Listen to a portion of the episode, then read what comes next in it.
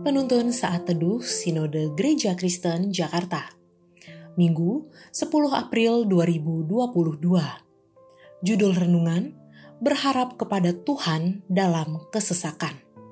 Diambil dari kitab Mazmur nomor 56 ayat 10 sampai 12 Maka musuhku akan mundur pada waktu aku berseru.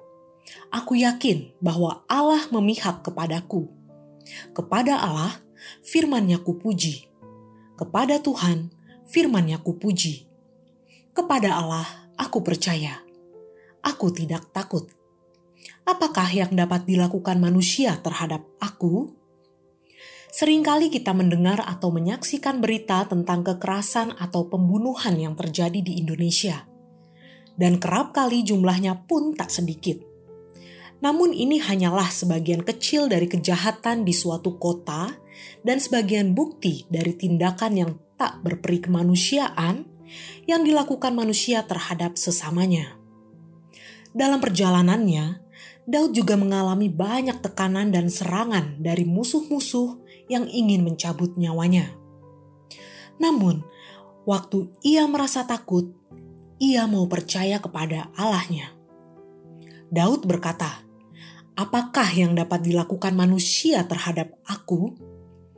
Manusia memang dapat menekan, memfitnah, membenci, bahkan membunuh sesamanya.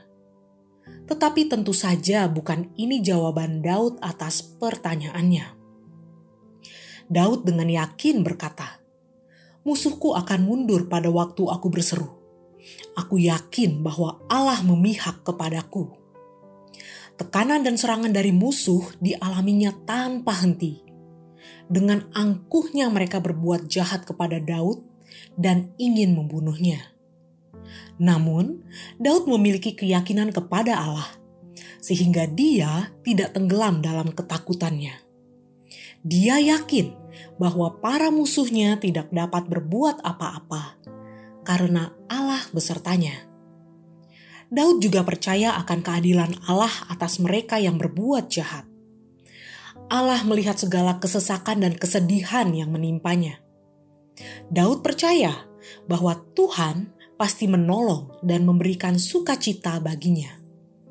Sukacita itu diwujudkannya dengan melaksanakan nazarnya dan memberikan korban syukur kepada Allah. Dalam perjalanan hidupnya, Daud menyadari bahwa Tuhan yang menolongnya sehingga dia terus memuji Tuhan.